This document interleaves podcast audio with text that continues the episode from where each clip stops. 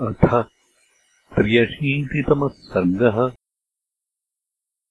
भरतलक्ष्मणयोरागमनम्। तच्छ्रुत्वा भाषितम् तस्य रामस्याक्लिष्टकर्मणः। द्वार्थः कुमारावाहूय राघवाय न्यवेदयत्।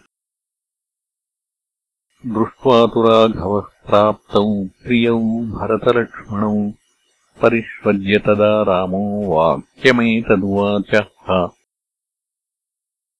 कृतम् मया यथा तथ्यम् द्विजकार्यम् अनुत्तमम्। धर्मसेतुम् मतो भूयः कर्तुम् इच्छामि राघवौ। अक्षय्यश्चाव्ययश्चैव धर्मसेतुर्मतो मम।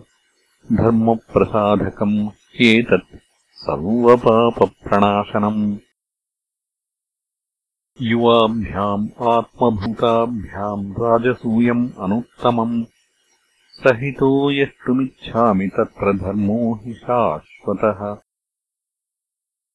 इष्ट्वा तु राजसूयेन मित्रः शत्रुनिबर्हणः। सुहृतेन सुयज्ञेन वरुणत्वम् उपागमत्। सोमश्च राजसूयेन इष्ट्वा धर्मेण धर्मवित् प्राप्तश्च सर्वलोकेषु कीर्तिस्थानम् च शाश्वतम्। अस्मिन्नहनियच्छ्रेयः चिन्त्यताम् तन्मया सह हितम् चायतियुक्तम् च प्रयतौ कर्तुमर्हतः।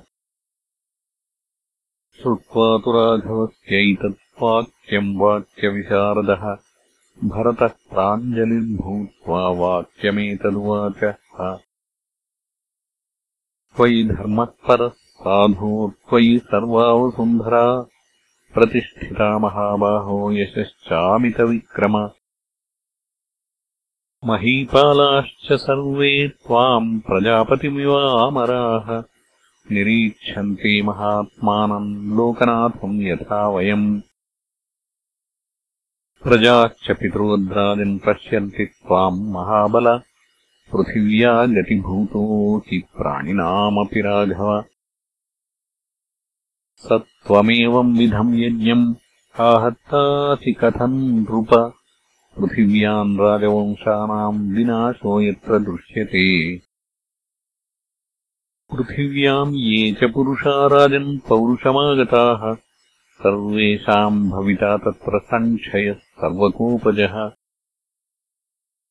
स त्वम् पुरुषशार्दूलगुणैः अतुरविक्रम पृथिवीम् नार्हसे हन्तुम् वशी हि तव वर्तते।